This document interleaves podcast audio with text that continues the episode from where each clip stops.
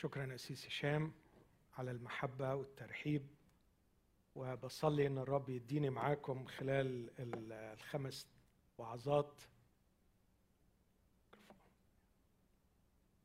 اللي الرب هيدهمني في كاليفورنيا يديني أنا شخصيا تعزية وتعليم فأنا أكثر الكل احتياجا لكلمة الله. الكنيسة بتواجه تحديات كتيرة في كل عصر وأعتقد أنه في المرحلة الحالية مرحلة أيضا متميزة في تاريخ العالم. مؤمنين بيشعروا بالارتباك بالخوف توتر لأسباب مختلفة. وعلى قد ما اتعلمت من الكتاب ومن اختباري الشخصي مفيش حاجة بتحفظ المؤمنين قد كلمة الله. الرسول وهو بيودع خصوص كنيسة أفسس كان خايف من حاجتين. كان خايف من إنه سيدخل بينهم ذئاب خاطفة لا تشفق على الرعية. وكمان منهم سيقوم رجال يتكلمون بأمور ملتوية. فيعمل إيه قدام الخطر اللي جاي من بره والخطر اللي هيطلع من جوه؟ أستودعكم يا اخوتي لله ولي كلمه نعمتي. ففي الخمس اجتماعات اللي الرب هيدهمني هنا على قلبي إني أقدم مدخل لإنجيل يوحنا. أعتقد إنه إذا المؤمن خسر فهم إنجيل يوحنا فأعتقد إنه دي أكبر خسارة في الحياة. الكتاب المقدس كله حلو كله ممتع لكن لا أتصور إن في مسيحي حقيقي ما يقراش إنجيل يوحنا وما يحاولش إنه يفهم إنجيل يوحنا. انجيل يوحنا كنز عظيم غرف منه الأتقياء على مر القرون الكثير كتبت فيه آلاف المجلدات آه، ويبقى منجم لا ينضب معين لا يفرغ من عظمة الحقائق الموجودة فيه. هستأذنكم نقف مع بعض وإحنا بنقرأ مقدمة أعداد قليلة من إنجيل يوحنا وهنحتاج أثناء العظة نحن نبص فيه مع بعض. وأتمنى لو ممكن الآيات تطلع على السكرين ده يبقى شيء عظيم جدا.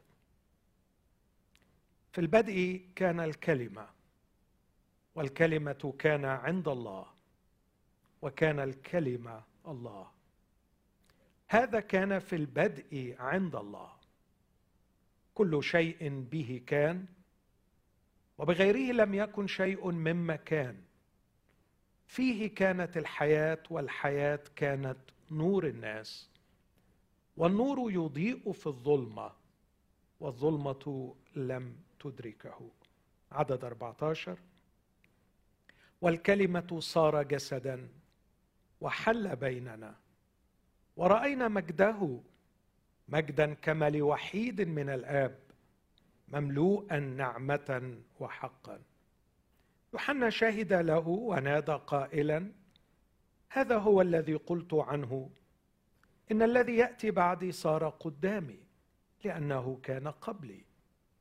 ومن ملئه نحن جميعا أخذنا ونعمة فوق نعمة لأن الناموس بموسى أعطي. أما النعمة والحق فبيسوع المسيح صار الله لم يره أحد قط.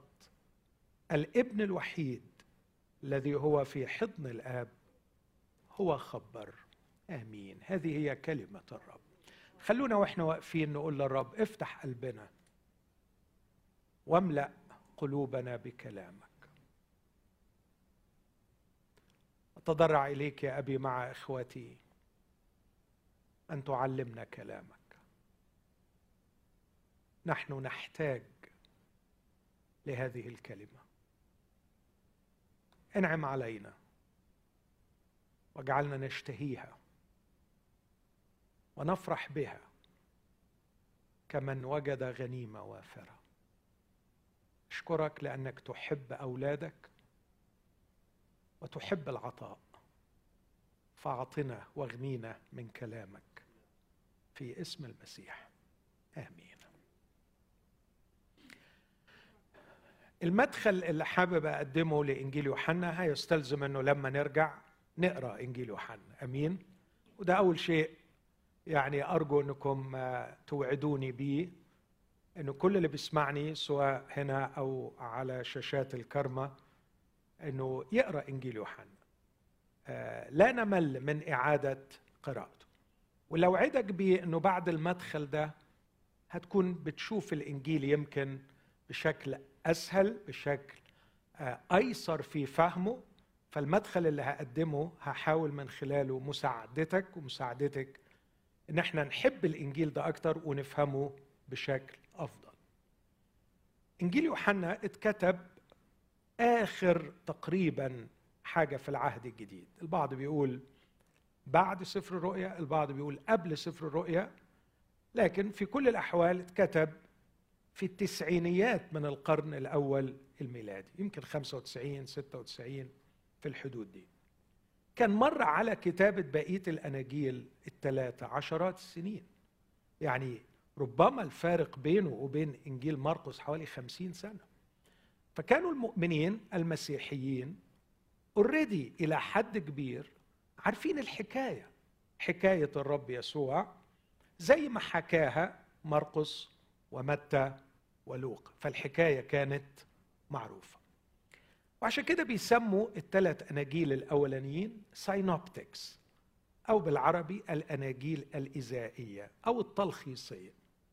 وليه سموها synoptics لأنها بتلخص حكاية المسيح. أكيد الحكاية كبيرة قوي. لكن الثلاث كتاب متى ومرقس ولوقا لخصوا إلى حد كبير حكاية الرب يسوع وكل واحد فيهم لخصها من جانب معين. فنقدر نقول إن الثلاثة دول كانوا بيقدموا لنا biography بيقدموا لنا سيرة المسيح حياة المسيح سيرة المسيح. لكن يوحنا جرى عامل حاجة مختلفة. خلاص السيرة معروفة الحكاية إلى حد كبير معروفة. لكن الرسول يوحنا لأنه أب. كان بيكتب لأولاده وكان شاعر إنه أب فعلا لما تقروا الرسالة بتاعته الأولى والثانيه يا أولادي يا أولادي. فكان مهتم وخايف على أولاده. خايف عليهم ما يحبوش الرب يسوع كفاية. خايف عليهم يخضعوا للتعاليم الخاطئة. خايف عليهم من إبليس من العالم خايف عليهم من حاجات كتير. فحب من جديد مش يعيد الحكاية لكن يعلمهم أهم حاجات في الحكاية. يلخص مش السيرة لكن يلخص التعليم. فإنجيل يوحنا بيقدم theology بيقدم لاهوت بيقدم فكر عن مين هو شخص المسيح. إيه هي المسيحية اللي أنتوا دخلتوا فيها وقبلتوها وعايشين فيها؟ إيه معنى المسيحية؟ إيه معنى إنك تكون مسيحي؟ كأنه بي بلغ الرسالة الوداعية الأخيرة لأولاده علشان يعرفوا روعة مسيحيتهم وأهمها. عشان يعمل الحكاية دي انتهج منهج غاية في الغرابة. ما كانش حد يتوقعه. وأنا شخصيا فوجئت لما اكتشفته. إنه اختار من حياة الرب يسوع أربع زيارات لأورشليم. بس. أكيد الرب يسوع زار أورشليم في فترة حياته مرات كتير قوي أكثر من أربع مرات. يعني أتوقع إنه على الأقل لو كان باعتباره إسرائيلي تقي ملتزم بثلاث مرات يعيد طبقا لسفر الخروج 23 فعلى الأقل في فترة الثلاث سنين وشوية اللي عاشها طلع عشر مرات لأورشليم. لكن هو اختار أربعة منهم واختار الأربعة دول بمناسبات أعياد. وراح مسجل لنا إيه اللي حصل معاه في كل زيارة من الزيارات الأربعة. فطلع إنجيل يوحنا. زي ما هوري حضراتكم دلوقتي إن الإنجيل كله عبارة عن تسجيل لأربع زيارات زار فيها الرب مدينة أورشليم. وفي كل زيارة أكيد الرب يسوع كان بيعمل حاجات كتير قوي. آه، لكن يوحنا انتقى بعض الآيات التي يسوع صنع وبعض الحوارات اللي يسوع دخل فيها وسجلها. فيبقى عندنا كل زيارة من الزيارات الأربعة هي عبارة عن آيات وحوارات. فكأنه ماشي ورا يسوع بكاميرا وراح مسجل بعض الآيات التي صنعها يسوع وهو ما بيستعملش تعبير معجزات أو قوات لكن بيستعمل تعبير آيات وهنفهم ده مع بعض. آه ليه بيسميها آيات؟ وكمان ما بيسجلش عظات زي عظة الجبل مثلا أو عظة آه إنجيل متى 23 عظة الويلات. لكن يسجل حوارات دخل فيها الرب يسوع. فمن أروع الأناجيل اللي سجلت الحوارات مثلا الحوار مع نيقوديموس الحوار مع المرأة السامرية الحوار مع اليهود في الهيكل الحوار مع تلاميذه في العليه في الليلة التي أسلم فيها. كان حوار لأنه كان عمال يتكلم وهم يسألوه تقريبا خمسة منهم سألوا أسئلة فطلع الحوار كله إجابة على الأسئلة اللي هم كانوا بيسألوها. فدي تركيبة إنجيل يوحنا. السؤال بقى المهم جدا اشمعنى الأربع زيارات دول؟ والسؤال الثاني اشمعنى الآيات دي بالذات والحوارات دي بالذات اللي سجلها من كل زيارة؟ ما أكيد في الزيارة حصلت حاجات كتير. الإجابة على السؤالين دول ليه الأربع زيارات دول بالذات؟ وليه في الزيارات الأربعة دول الآيات دي بالذات والحوارات دي بالذات الإجابة؟ تكلم أناس الله القديسون مسوقين من الروح القدس. أكيد الروح القدس هو اللي ساقه لكيما يختار. سلكتيف مش بيسجل كل حاجة. لكن لقط أربع زيارات من ربما عشرة أو أكثر ولقط في كل زيارة بعض الآيات وبعض الحوارات وسجلهم لنا. الشطارة بقى اللي إحنا محتاجينها ان الروح القدس ينور عينينا وأقرأ في كل زيارة الآيات والحوارات بعدين أحاول أكتشف الموضوع. ليه حط دول مع بعض؟ وإيه الرابط اللي بينهم؟ وإيه الحكاية أو الدرس اللي هو عايز يوصله لنا تعالوا أبص معاكم على الدليل على إنه إنجيل يوحنا كله هو عبارة عن تسجيل لأربع زيارات لأورشليم. مبدئيا من أصحاح واحد عدد واحد ولغاية حادثه أو آية تحويل الماء إلى خمر. كتير من المفسرين اللي كتبوا كتب في مقدمة إنجيل يوحنا يعني مقدمة إنجيل يوحنا في كتب خاصة بيها بيعتبروا إنه من أصحاح واحد لغاية أصحاح اثنين عدد 11 دي المقدمة. من أصحاح واحد لأصحاح اثنين عدد 11 هي دي المقدمة. وده اللي أنا هألقي الضوء عليه في أول اجتماع النهارده.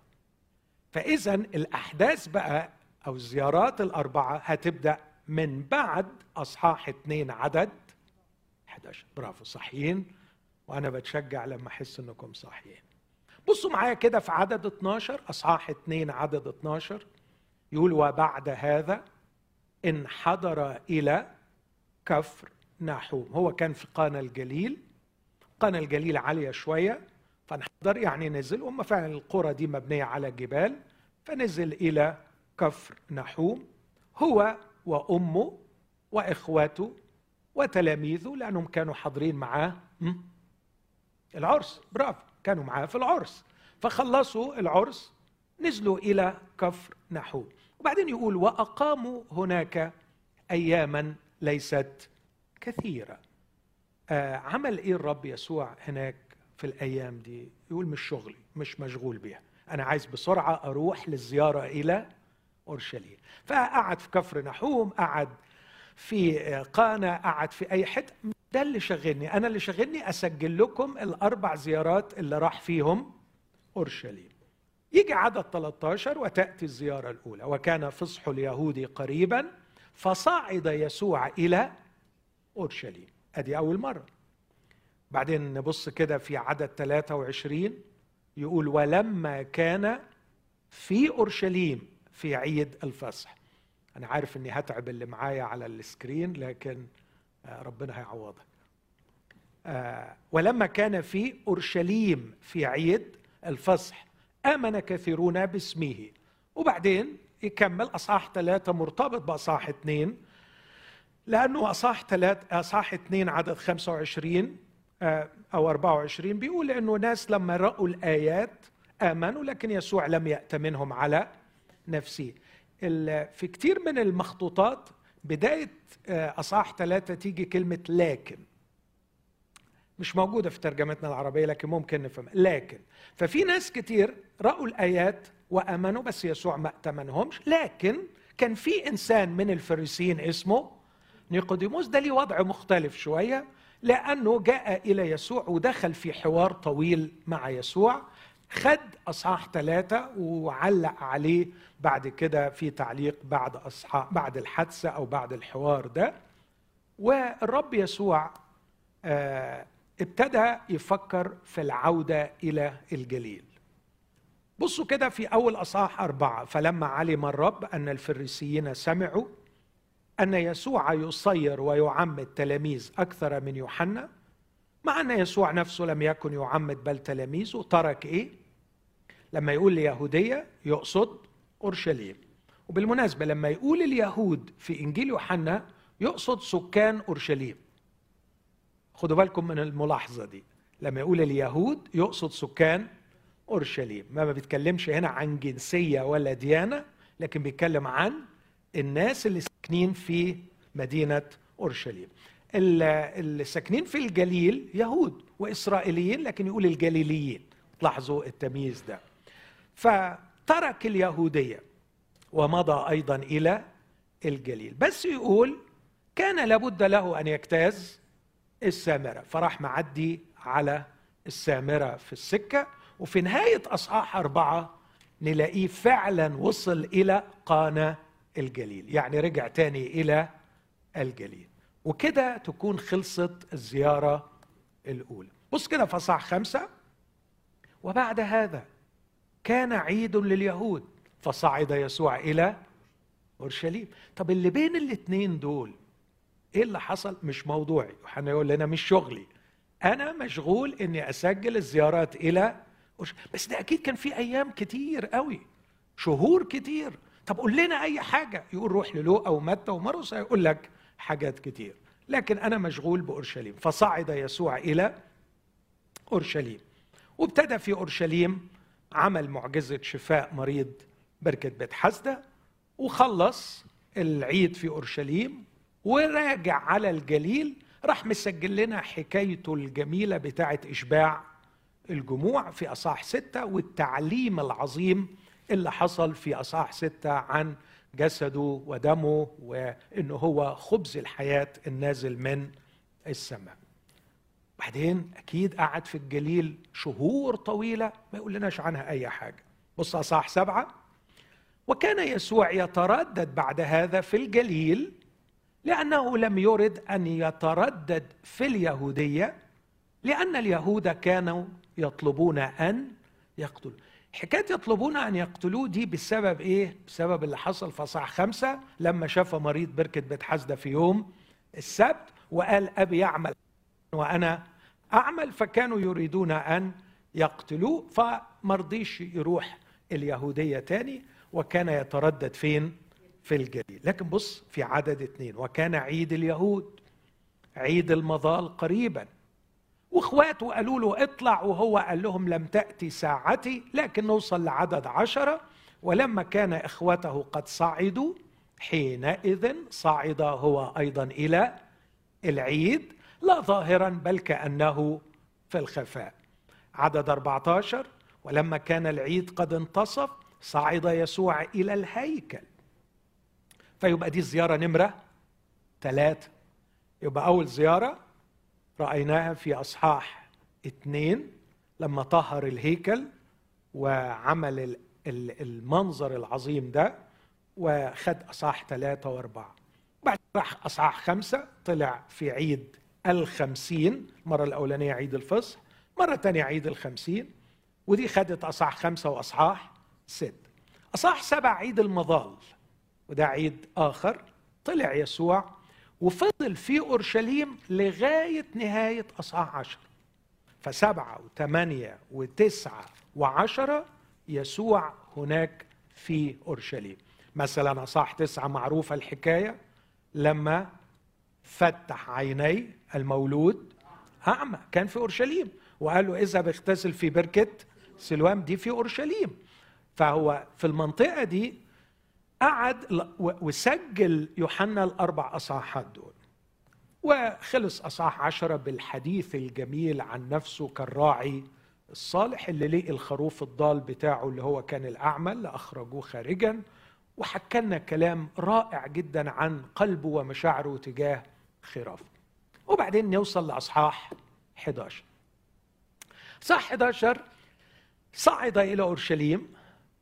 صحيح كان جاي العيد كان الفصح قريبا بس هو طلع قبل العيد بشوية عشان حاجة مهمة كلنا عارفينها. إيه اللي حصل في صح 11 لعازر هم بعتوا له وقالوا له تعالى وكانت بيت عنيا قريبة من أورشليم. لازم نكون حافظين العبارة دي. دي عبارة مشهورة جدا في حادثة إقامة لعازر. فهو صعد إلى بيت عنيا وبعد ما أقام لعازر كان الفصح قرب كان خلاص الأسبوع دخل وابتدت أحداث الأسبوع الأخير من حياة المسيح. والأسبوع الأخير كلنا عارفين قضاه فين؟ في أورشليم. ومات في أورشليم طبقا لكلامه الواضح في لوقا 13 لما كان قال لأنه لا يمكن أن يهلك نبي خارج أورشليم. فهو كان عارف إن الصليب هيكون في أورشليم. يبقوا كم زيارة؟ أربع زيارات. الزيارة الأولى من أصحاح اثنين لأصحاح أربعة وبعدين من خمسة لستة خمسة وستة الثالثة من سبعة لعشرة الأخيرة من 11 للنهاية.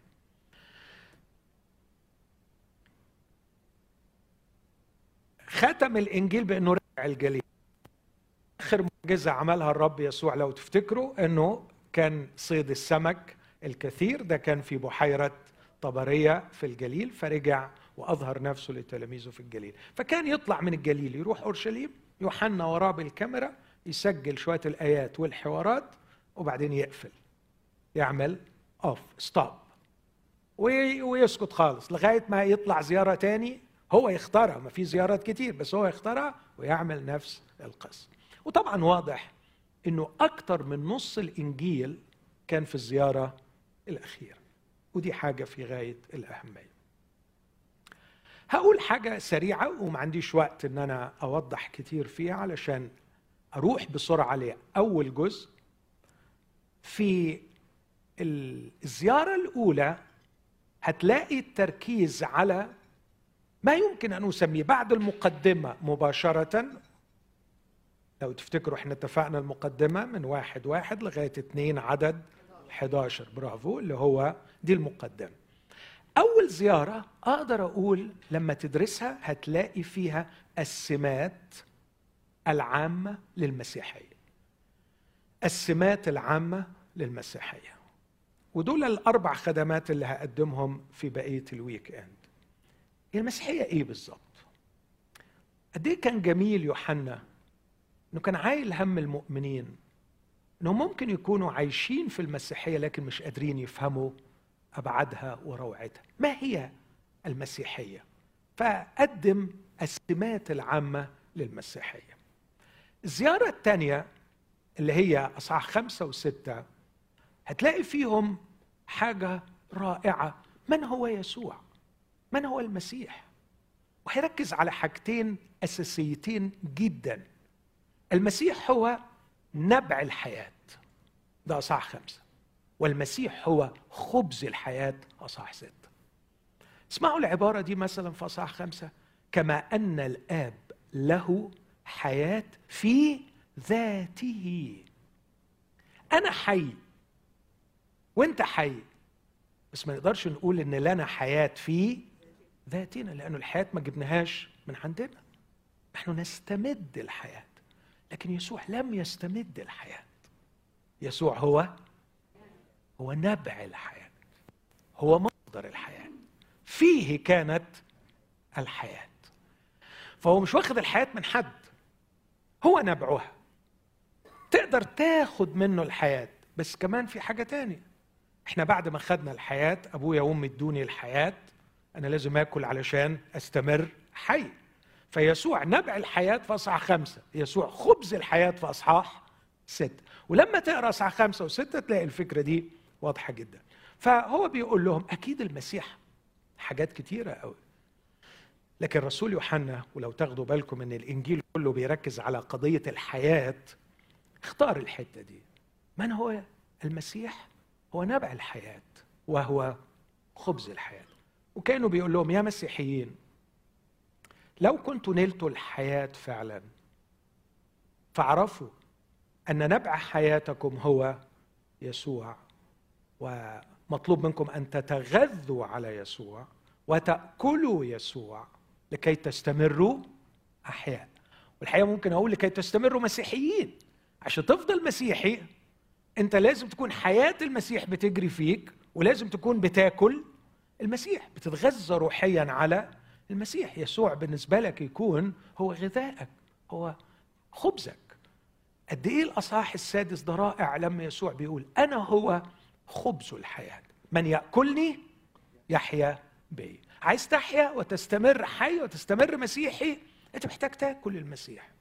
تشبع فعلا منه بالتأمل فيه والتفكر فيه وفهم كلامه والاقتراب إليه بحب وباحترام وإنه يكون تاج راسك وتعيش الكلام اللي قاله يوحنا من يأتي من فوق هو فوق الجميع فلازم يكون فوقك وسيدك وتاج راسك وتحيا بيه علشان تقدر تكون مسيحي حقيقي. أصحاح سبعة لأصحاح عشرة مش بيركز على كلمة الحياة تقريبا لم تذكر إلا نادرا لكن التركيز كله على النور. لما تقرأ من أصحاح سبعة لأصحاح عشرة تلاقي القضية الأساسية ليست الحياة لكن النور. بالمناسبة والجزء الأخير هتلاقي القضية هي المحبة فإنجيل يوحنا حياة نور محبة. ولما يتكلم عن قضية النور أكيد مش بيتكلم عن نور الشمس لكن بيتكلم على النور الروحي. فالزيارة الثالثة ناقش قضية في غاية الأهمية وهو ليه الناس مش شايفة النور؟ هو مش المفروض أن النور لما ينور الناس تشوف؟ ليه النور منور والناس مش شايفة. دي قضية في غاية الأهمية. وبيناقشها البعض تحت هذا العنوان اختباء الله. ليه الله ما بيبقاش ظاهر؟ ليه الله رغم إن إحنا مؤمنين إنه موجود لكن مش قادرين نشوفه؟ بص كده مطلع أصحاح سبعة يقول لك صعد يسوع إلى الهيكل لكن خفيه مختبئ. لم يكن يسوع ظاهرا. واخواته الموضوع ده ربكهم. مش انت حابب ان الناس تؤمن بيك وتقبلك؟ محدش يعمل في الخفاء وعايز الناس تؤمن بيه. فاكرين دي القضية دي المشكلة اللي كانت مع اخواته لما يقولوا له هذه الكلمات في أصحاح سبعة عدد ثلاثة. فقال له اخواته انتقل من هنا واذهب إلى اليهودية لكي يرى تلاميذك أيضا أعمالك التي تعمل لأن ليس أحد يعمل شيئا في الخفاء وهو يريد أن يكون علانية. إن كنت تعمل هذه الأشياء فاظهر نفسك للعالم. ما تظهر نفسك قول لا أنا هعمل في الخفاء. طب أنت عايز تصعبها على الناس؟ ليه بتعمل في الخفاء؟ ليه لا تظهر نفسك للعالم؟ كأنه يقول عايز أخلق عينين روحية تقدر تشوفني وأنا في الخفاء. أصل اللي بيشوفوني ظاهر قوي ما شافوني. شافوني ظاهر. استفادوا إيه؟ ده في ناس لما شافوه ظاهر في الفصح في أول عيد آمنوا. حلو المفروض تفرح. بس لو فاكرين الكتاب يقول لكن يسوع لم يأتمنهم على نفسه لأنه علم ما في الإنسان. فيبدو أن القناعات العقلية الخارجية مش هي دي اللي بيدور عليها؟ يسوع. يسوع بيدور على عينين قلب مفتوح مش على العينين الحرفية. يسوع بيدور على عمل يحدث في القلب يخلي الشخص يشوف يسوع وهو مختفي. فيخبي نفسه شوية ونقي قلبك لأن أنقياء القلب يعاينون الله. طب لو القلب مش نقي لن يعاين الله. طب ماشي ما يعاينش الله بقلبه بس كويس إنه برضه يعاينه بعينيه يقول ملهاش لازمة. ما أنا لما بعمل الأعمال الظاهرة لدرجة إنه قوم لعازر هو في آية أقوى من دي؟ قوم لعازر وكانوا اليهود بيجوا والكتاب يقول تعبير لطيف يقول إنهم لما كانوا بيجوا بيت عنها عشان يشوفوا يسوع مش بس علشان يسوع لكن لكي يروا لعازر عايزين يشوفوا العازر لأنها آية فريدة من نوعها آية خلق وليست آية إقامة ميت. وبعدين لما جم رؤساء الكهنة وآية واضحة بهذا المنظر وشافوا لعازر قرروا يعملوا إيه؟ حد فاكر؟ يقتلوه. يقتلوه. انت قومته هنموته. طب يا جماعة إنه إنه قوم لعازر ده ما يقول لكمش أي حاجة لا ما يقولش أي حاجة. يعني قلبكم مش شايف أي حاجة لا مش شايف أي حاجة. طب عينيكم شايفة؟ آه شايفة. عينينا شايفة. شايفة إنه قومه ومقتنعين إنه قومه. بس قلبنا شايفه يستحق الموت. يبدو أن الرب يسوع بيدور على نوع من العيون الداخلية التي ترى يسوع وهو في في الخفاء. وعلى فكرة ده تحدي كبير معانا كلنا. لأنه في معظم أيام حياتنا الرب مختفي. وبننادي عليه أحيانا وكأنه ما بيسمعش. ومرات كتيرة بنبقى مستنيين نشوفه وما بنشوفوش. طب ليه بتعمل كده؟ أريد أن أخلق عيون تراني وأنا في الخفاء. طوبى لأنقياء القلب لأنهم يعاينون الله. يتنقى القلب فنرى. لكن يجي أصحاح 11 ويبدأ مش بقى التعامل مع قضية اختباء الله أو اختفاء الله لكن إعلام الله التكشف الأعظم والأكمل. والأكبر. الله بين محبته له. اقرأ بقى من أصحاح 11 لغاية 21 يا سلام. صح 11 كيف أظهر قلبه من نحو مرثا ومريم ولعازر لدرجة إن اليهود نفسهم قالوا انظروا كيف كان ظهر قلبه. التكشف الكامل حدث في الجزء الأخير ده. وآخر أصحاح بعد هذا أظهر يسوع نفسه هكذا لتلاميذه. وبين الاثنين تتكرر كثير كلمة يتمجد. جاءت الساعة يتمجد ابن الله سيتمجد ابن الإنسان سيتمجد الله فيه. أن يتمجد الله أي أن يتكشف الله أن يعلن الله نفسه. وكانت قمة التكشف والإعلان في صليب وقيامة ربنا يسوع. المسيح. فالجزء الأخير ده خاص بالتكشف. بس الحقيقة مش هيشوف الجمال ده إلا اللي ليهم العيون اللي تقدر ترى في صليب المسيح فخر واللي تقدر تتقبل حقيقة قيامة المسيح وتستفيد منها. وعشان كده كتير كنت أتسأل السؤال ده ليه الرب يسوع بعد ما قام ما راحش كده يسحق الأشرار ويسحق بيلاطس ورؤساء الكهنة ويغيظهم كده ويقول لهم أديكم موتوني بس أنا في الآخر قمت ما عملش الحركات دي يسوع هو مش مش بتاع كده يعني. كان يقدر ي overwhelm them بال evidence بصوا أنا أنا قمت من الأموات. لكن يقولوا إيه فايدة إن أنا overwhelm them بال evidence ويعرفوا إن أنا قمت من الأموات وقلوبهم عمياء. وقلوبهم غير مختونة. وقلوبهم مغلقة. أنا عايز اللي يشوفني بقلبه. فده ال themes الأربعة اللي في هذه الزيارات الأربعة السمات العامة للمسيحية من هو يسوع نبع الحياة وخبز الحياة قضية اختباء الله وقضية تكشف الله. النهارده أنا بقى الوقت اللي باقي ده البسيط. أنا قدامي ساعة بتقول إن الساعة تسعة وثلث is that right الساعة كام دلوقتي؟ تسعة وثلث wow. لا أنا أنا بسرعة هخلص. هامر معاكم مرور سريع قوي على المقدمة. بصوا معايا في المقدمة من إصحاح واحد وأتمنى انه اللي أنا بقدمه النهارده ده يبقى ال fr: hors d'oeuvre يبقى ال appetizer. إنكم تروحوا تعملوا إيه؟ تقروا إنجيل يوحنا وتشبعوا بيه وتحاولوا تتفهموا. عدد واحد واثنين في المقدمة من الأزل إلى الخليقة. من عدد ثلاثة لعدد 14 من الخليقة للتجسد. From creation to incarnation.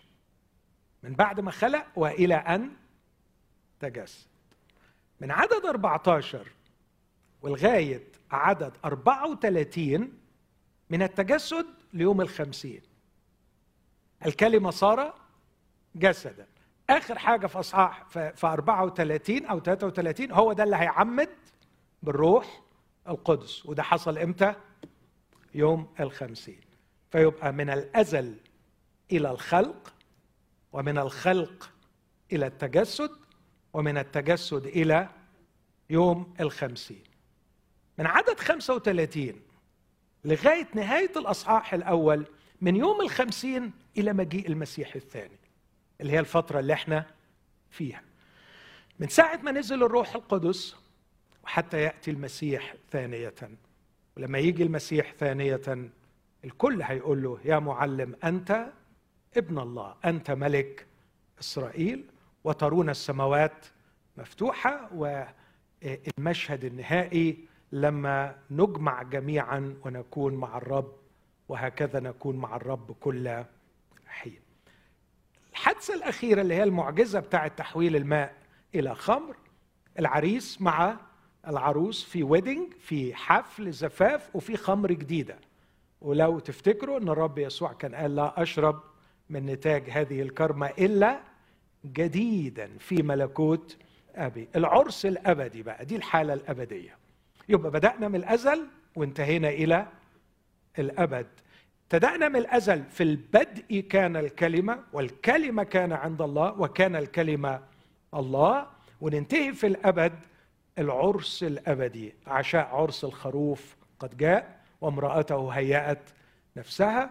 وفي خمر جديد وفي أفراح تستمر إلى أبد الآبدين. يبقى كم جزء؟ حد فاكر؟ ستة أجزاء. خلوني أعدي بسرعة شديدة جدا على خمسة منهم.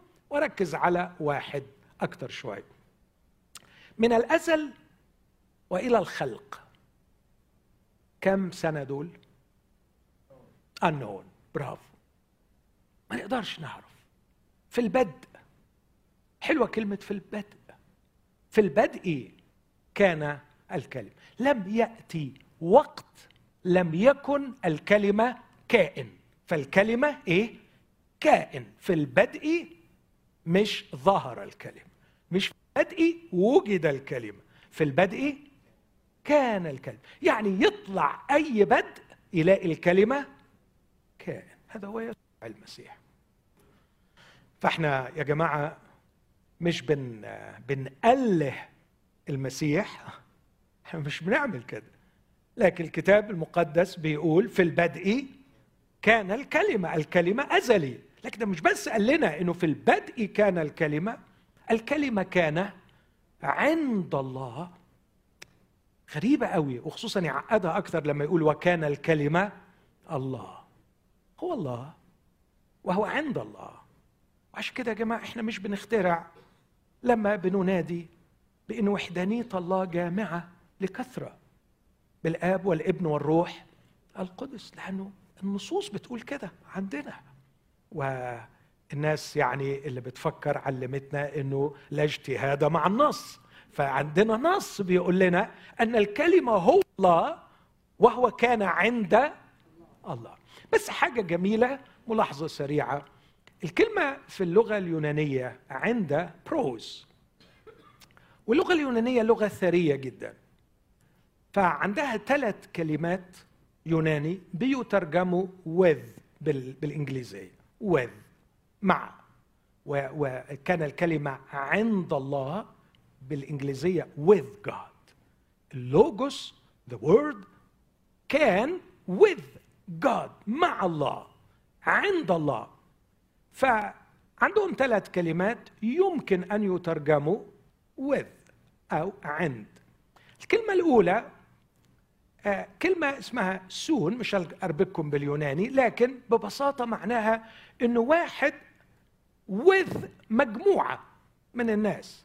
فأنا عند آه، الكنيسة اليوم أو أنا عند إخواتي في لوس أنجلوس أو في كاليفورنيا فأنا عند مجموعة.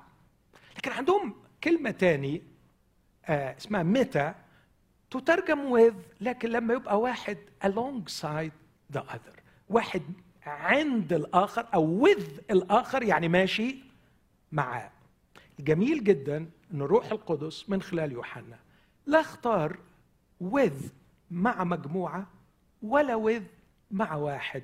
اختار كلمة بروز وبروز يعني وجه يعني face to face ويقال إن دي لا تستعمل إلا عندما يكون هناك علاقة حميمة جدا بين اثنين. فهم مش with each other علشان ماشيين مع بعض ولا with each other in a group لكن face to face. شركة عميقة من الأزل وإلى الأبد. واحدة من أروع التعاليم التي أو التطبيقات التي تصنع فرق في حياتنا عندما نتعلم عن الثالوث هو الشركة إلهنا إله قائم في حالة شركه أقول تاني العبارة دي.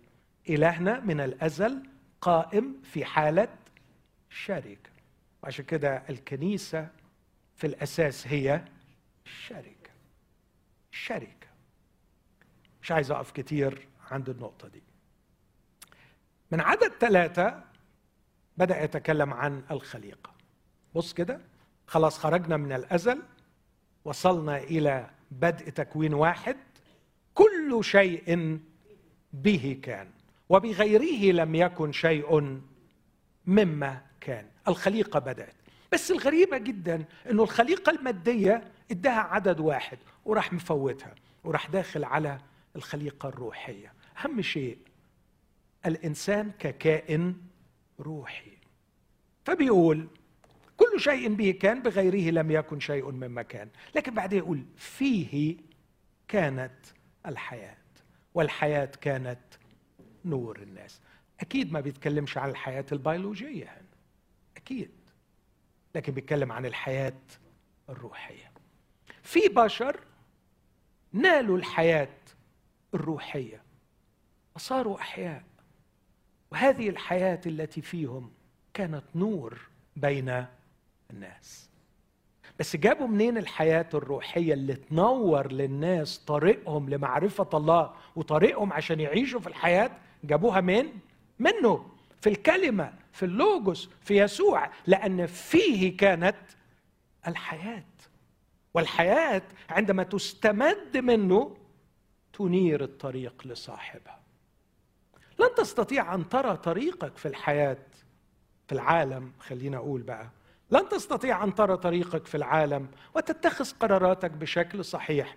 إذا لم تكن مستمدا حياة روحية من الله الحياة الروحية التي في الله مصدرها اللوجوس لأن فيه كانت الحياة. والنور يضيء في الظلمة. على مر القرون والعصور قبل التجسد إحنا بنتكلم في الجزء ده من الخليقة إلى التجسد. على مر القرون التي سبقت التجسد كان النور يضيء في الظلم. لم تحرم البشرية من نور الحياة لأنه كان في أحياء. كان في إبراهيم كان في نوح قبليه كان في أخنوخ. كانوا ينيروا للناس. بعدين كان في ملك صادق في كنعان. وفي كل مكان الله لم يترك نفسه بلا شاهد. استمدوا منه الحياة وأضاء نور الحياة فيهم للناس. النور يضيء في الظلمة. على فكرة وصلت إلينا وعلمنا المسيح أنتم نور العالم. جه الدور عليكم أنكم تستمدوا الحياة في ملئها الحياة الأبدية وتنيروا لأن الحياة هي نور الناس. الناس محتاجة للنور والنور لا يأتي من فراغ. النور اسمعوني أحبائي لا يأتي من فراغ.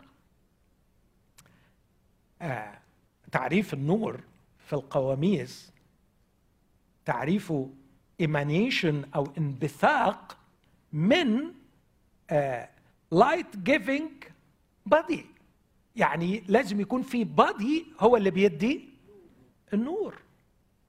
النور لا يأتي من concepts النور لا يأتي من ideas النور لا يأتي من فلسفة. النور يأتي من الحياة.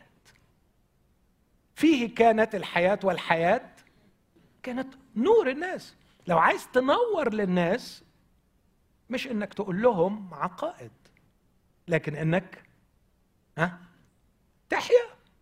لأنه اللي هينور الناس مش كلمتين لكن اللي هينور الناس هو الحياة. هذا مبدأ أساسي في المسيحية أن النور ينبثق من الحياة. فيه كانت الحياة الحياة كانت نور الناس. النور يضيء في الظلمة وأروع خبر بقى والظلمة لم ما تزعلوش من الكلمة دي هي الترجمة العربية بوظتها شوية.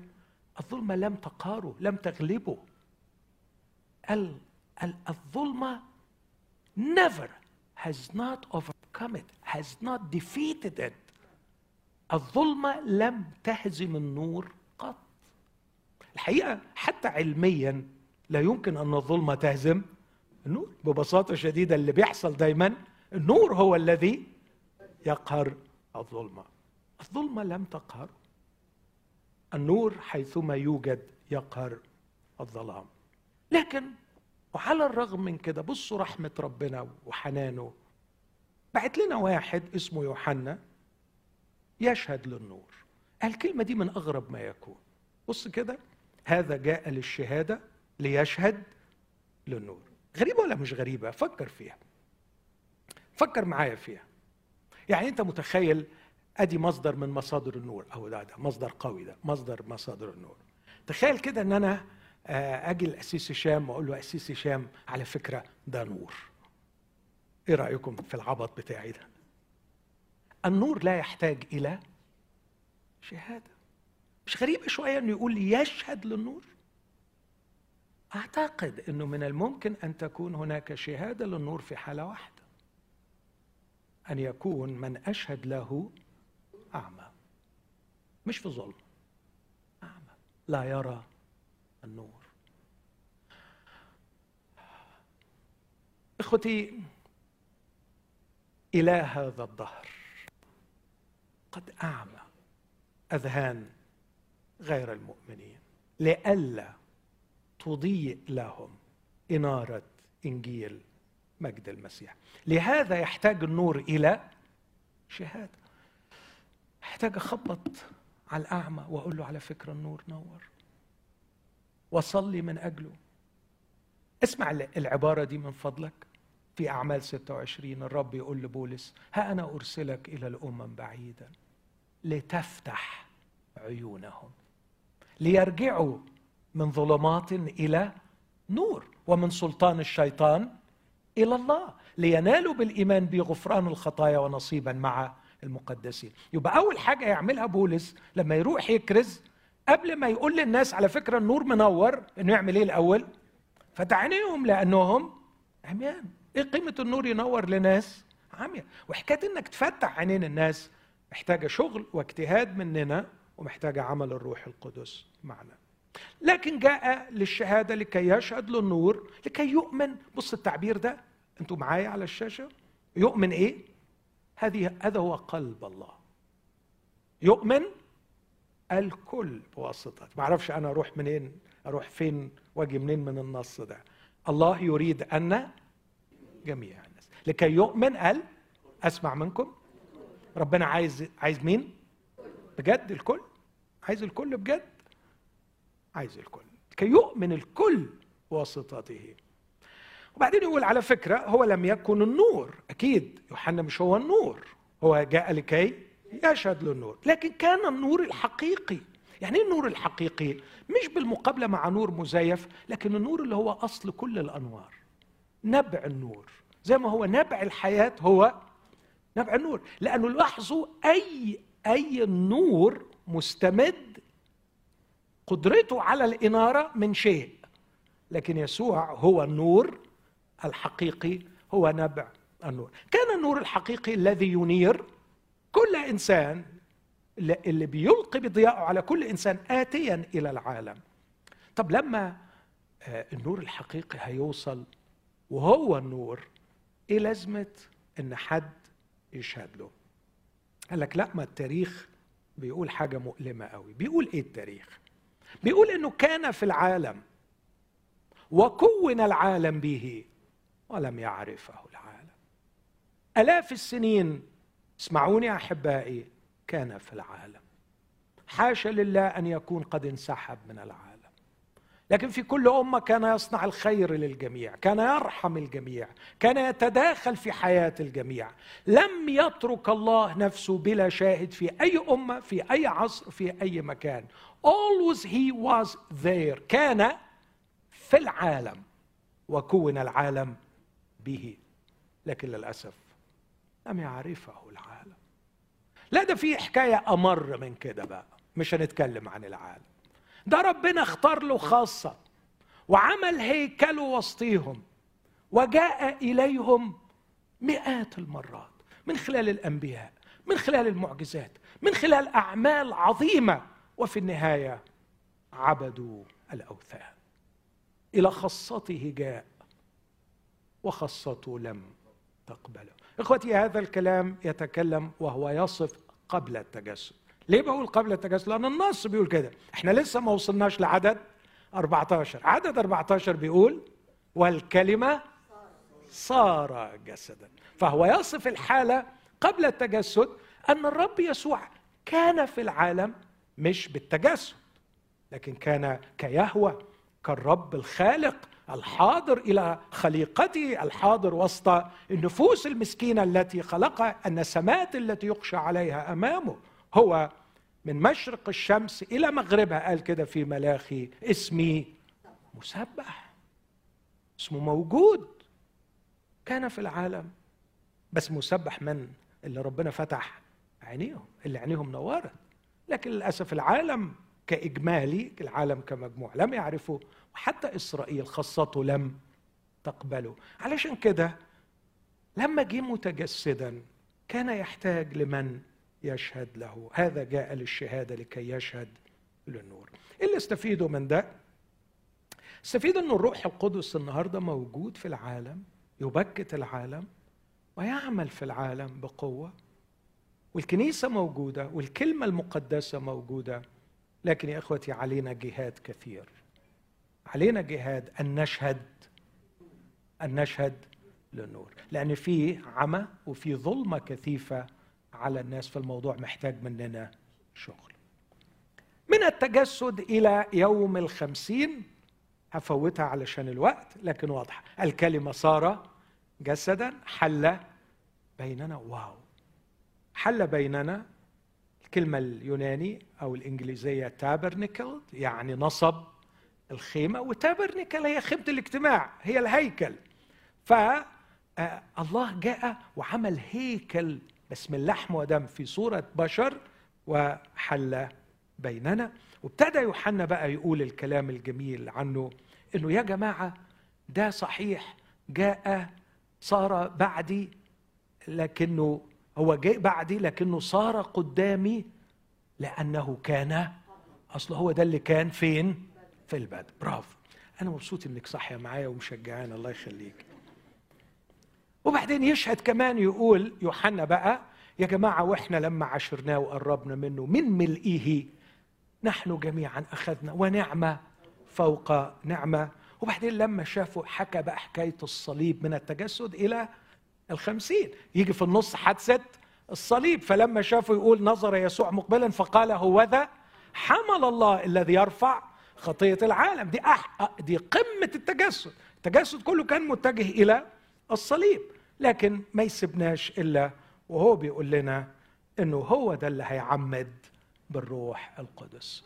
وده الوعد اللي يسوع وعد بيه تلاميذه وهو صاعد لو تفتكروا. امكثوا في أورشليم لأنه ليس بعد هذه الأيام بكثير ستنالون قوة ستتعمدون بالروح.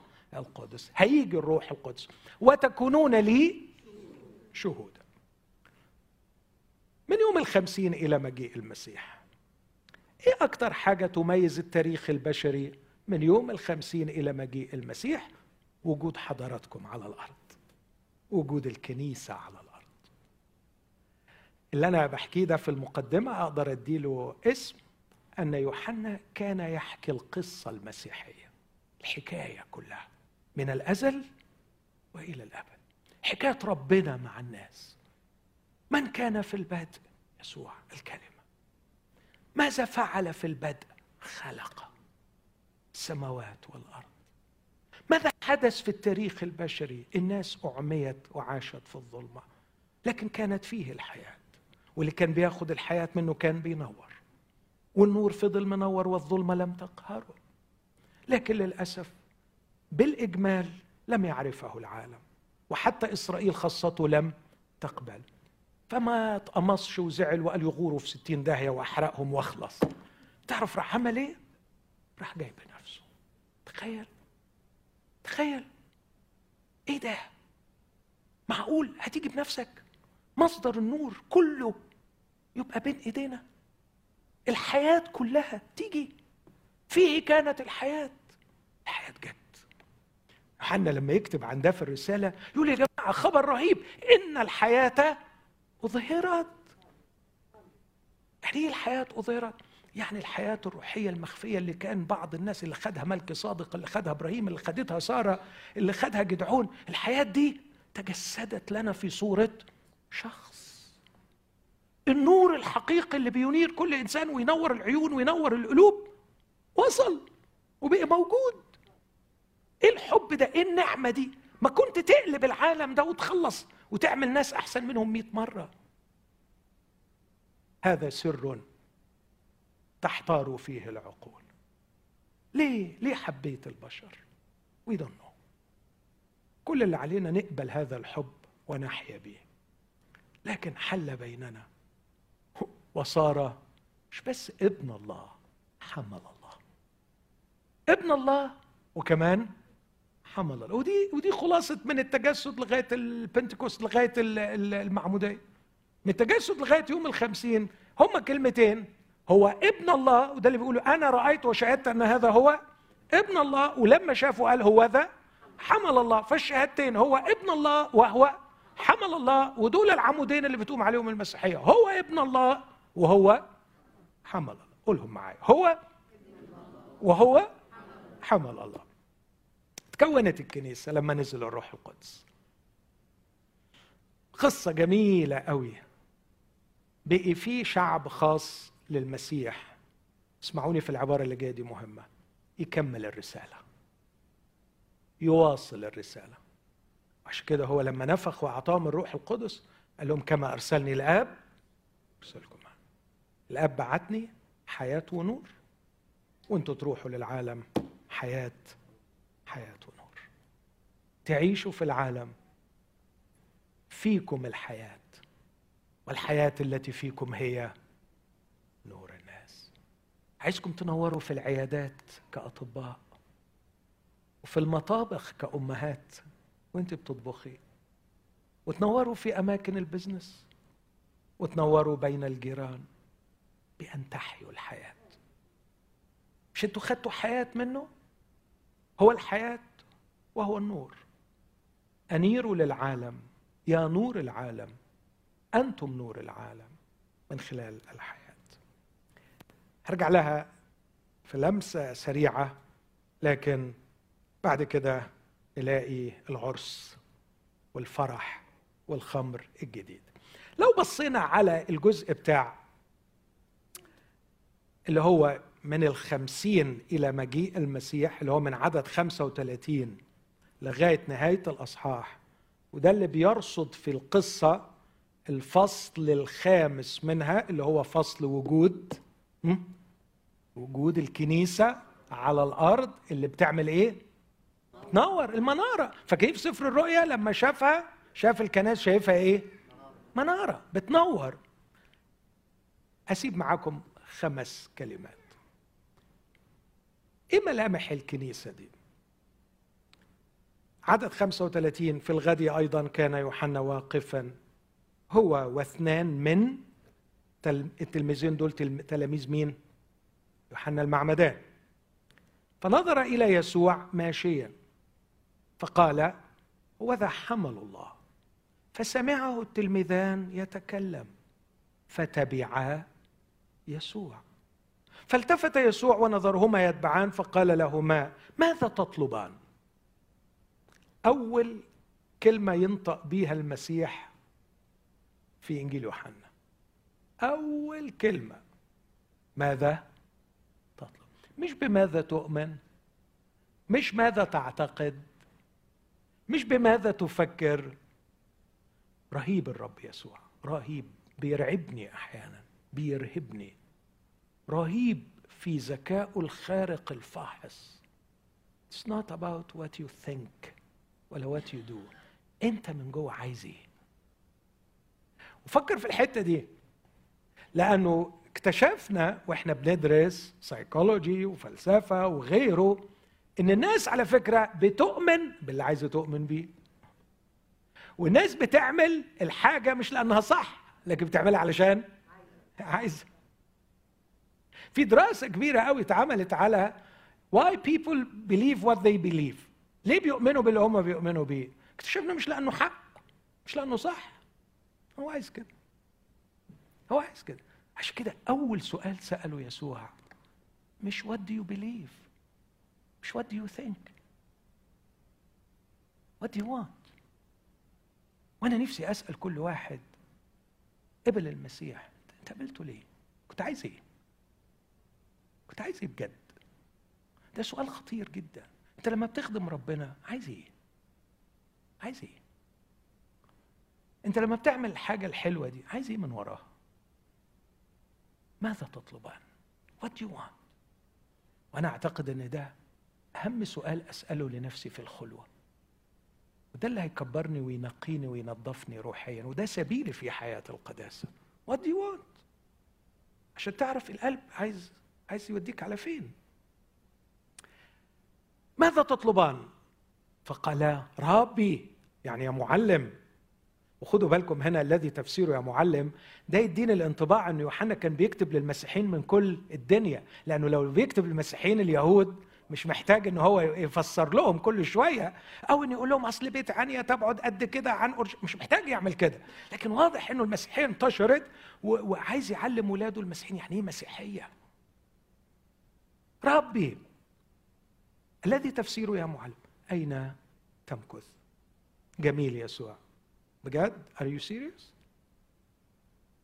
مش هديكوا الإيميل بتاعي. مش هديكوا العنوان بتاعي. تعالى يا.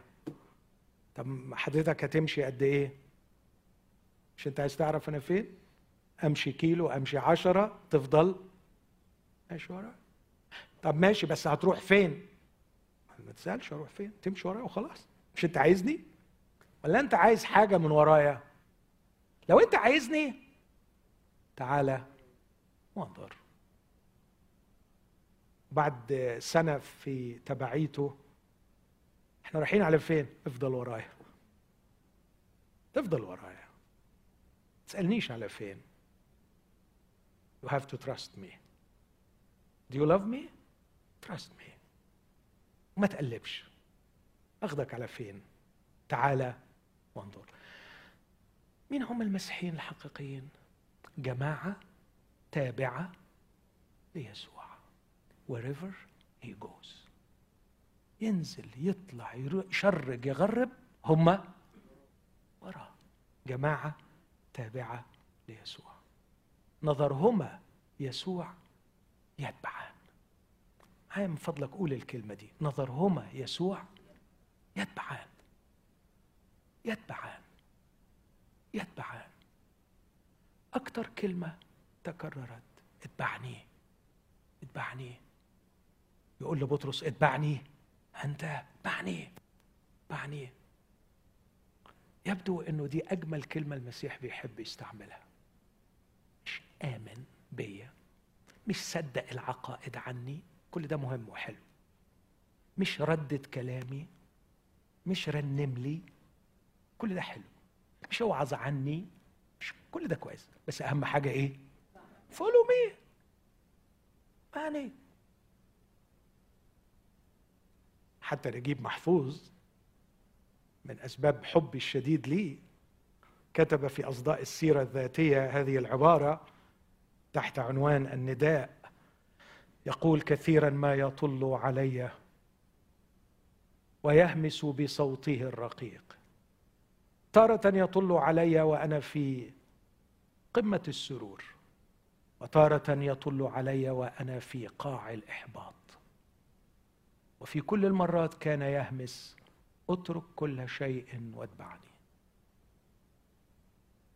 بعدين يقول كان في كل مرة يقول لي هذا ينتزع من قلبي الطرب والعصيان.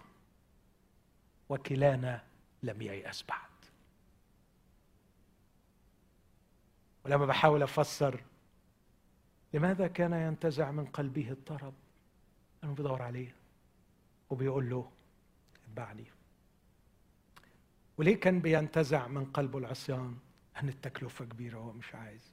لكن أعتقد من الممكن أن نحتار في التفاسير الكثيره لمضمون هذه الكلمات لكن لا أعتقد أننا نحتار من هذا الذي يقول لشخص بصوت رقيق ويطل عليه بوجه لطيف ويقول له اترك كل شيء واتبعني. يبدو أن كلمة اتبعني حصرية exclusive لشخص يسوع. ما بيناديش على حد وبيقول له خد. ما بيناديش على حد وبيقول له هات. ما بيناديش على حد ويقول له آمن واعتقد وافعل لكن لما بينادي على حد بيقول له follow me حتى ولو إلى الصليب. فولو مي إخوتي أنا مسيحي بقدر تبعيتي ليسوع.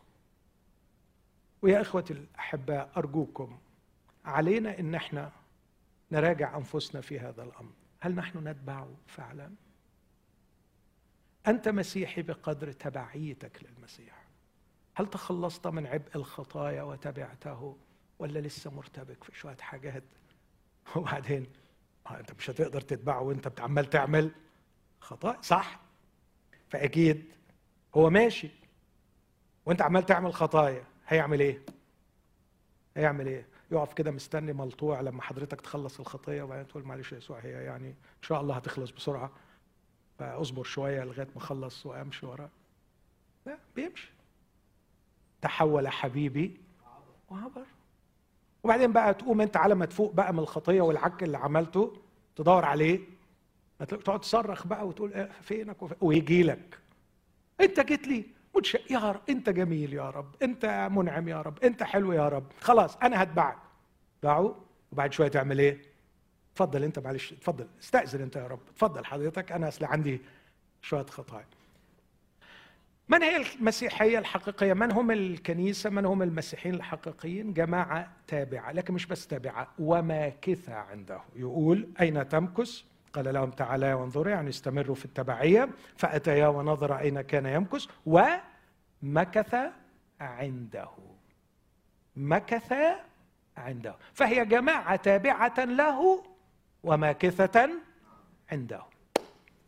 قاعدين معه. قاعدين معه. السمة الثانية.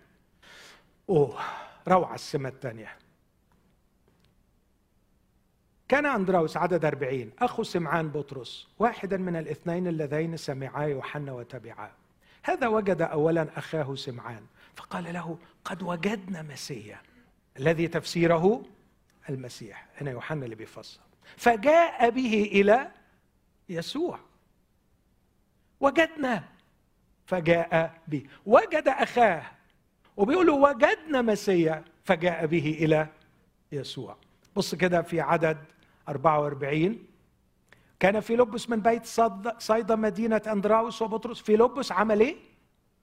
وجد نثنائيل. فأندراوس وجد صفا. وجد أخاه. وفي لبس وجد نثنائيل. وكل واحد عمال يقول له تعالى. قال له وجدنا الذي كتب عنه. يجد ويشهد أنه قد وجد. فيا جماعة كارثة.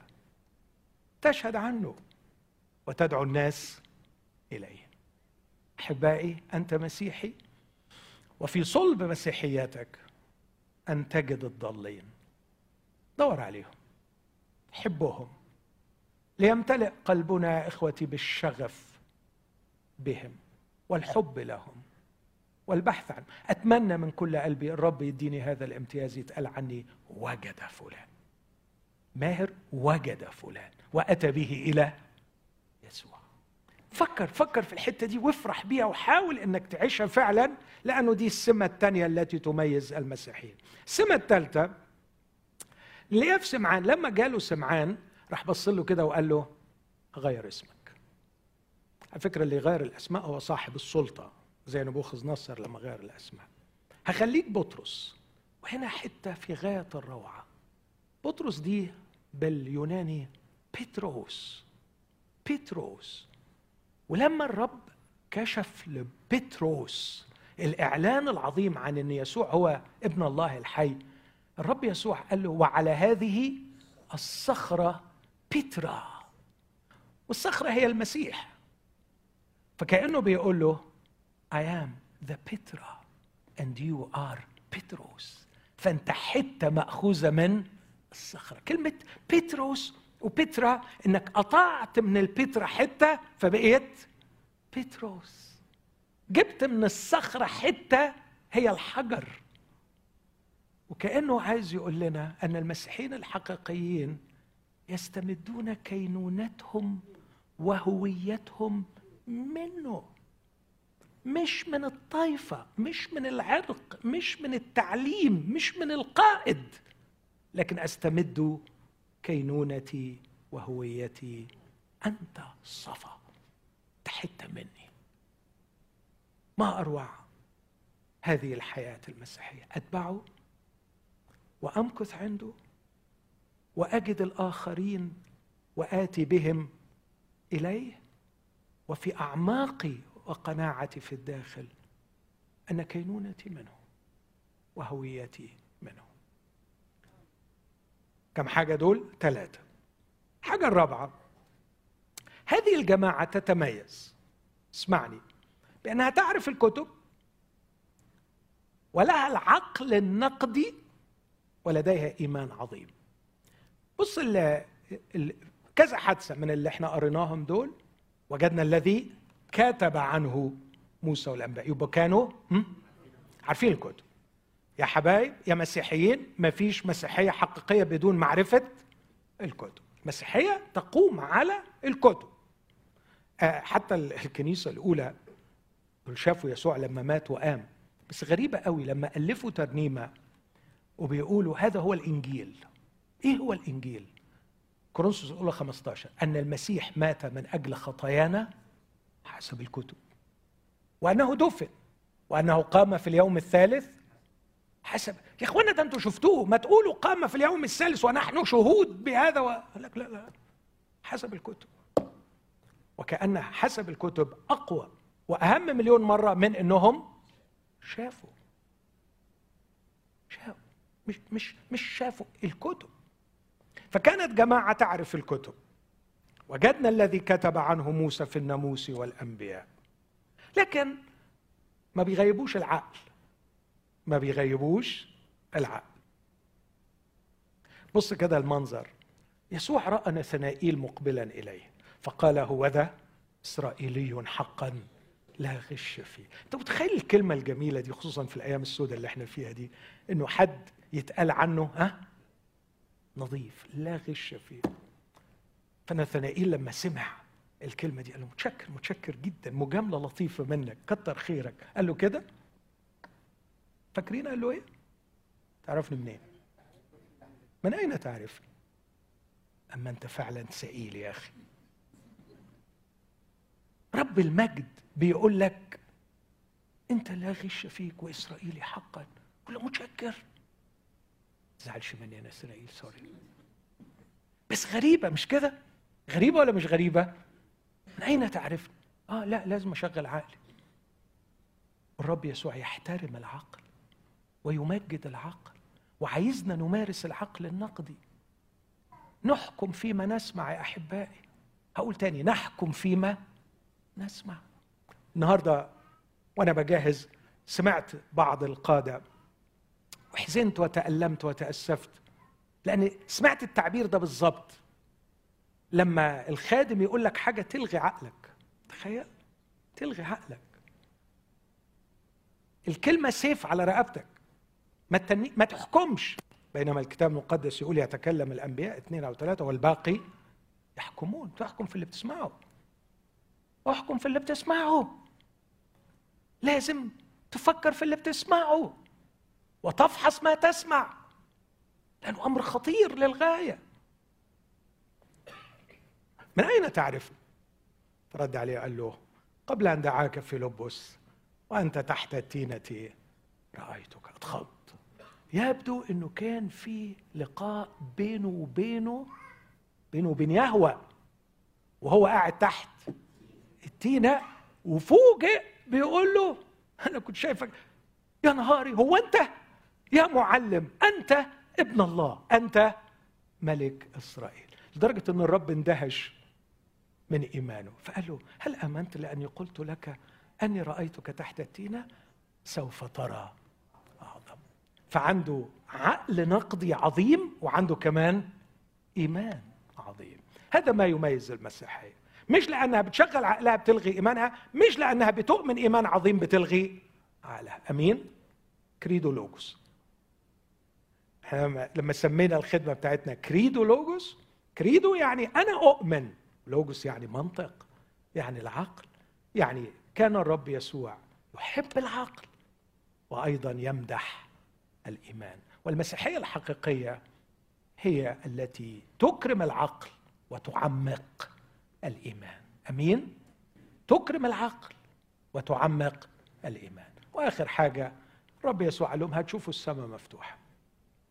وملائكة الله نازلة وصاعدة يصعدون وينزلون على ابن الإنسان. المنظر ده ما نقدرش نتجاهله. إحنا شفناه في تكوين 28 مع يعقوب. بس يعقوب لما شاف المنظر ده قال كلمة رهيبة. ما هذا إلا بيت الله. وما هذا إلا باب السماء. الكنيسة هي بيت الله وهي باب السماء.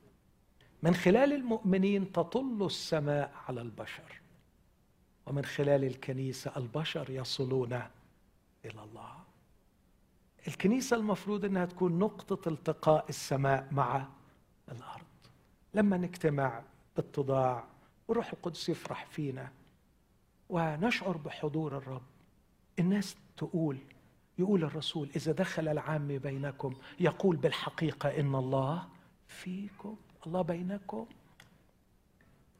جيب له الناس ونجيبه هو للناس. هذه السمات الخمسة هي التي تميز تلك الفترة الحاضرة من الخمسين إلى مجيء المسيح. استأذنكم نقف مع بعض وإحنا بنختم وأنا براجع الخمس صفات دي قبل ما أصلي معاكم. السمة الأولى عايزين نصلي بيها في 30 ثانية. المسيحيين الحقيقيين هم جماعة تابعة له وماكثة عنده. أعني لأتبعك وأمكث عندك. الكنيسة الحقيقية هي جماعة كارزة. تذهب لكي تجد الضال وتأتي به إلى المسيح. اغفر خطياتي يا رب لأني أهملت ولم أعمل معك. أنت دايما خارج لتبحث عن خروفك الضال. علمني كيف أبحث معك حتى أجد معك وأفرح معك. الكنيسة الحقيقية تستمد كينونتها وهويتها من المسيح وليس من طائفة ولا من عقيدة. أنت نبع وجودي. هذا ما يعطي قيمة لي يا رب. قيمتي ليست في شهاداتي ولا فلوسي ولا مواهبي. قيمتي فيك أنا كينونتي وهويتي منك. أنت الصخرة وأنا حجر. مبني عليك. منك وليك. هذا ما يعطيني قيمتي. أنا منك. وأنا ليك. عمري ما هقدر أبقى لي إلا إذا اقتنعت ان أنا منه. الكنيسة الحقيقية هي جماعة تفتش الكتب وتعرفها. وهي جماعة تمجد العقل تكرم العقل وتعمق الإيمان. عقلها نشط وإيمانها عظيم. الكنيسة الحقيقية تربط السماء بالأرض. أعني يا رب كي أكون فعلا مدخل للناس إليك ومدخلك أنت للناس من خلالي. أبانا في اسم المسيح. استودعك نفسي استودعك إخوتي لكلمتك كلمة نعمتك. آمين.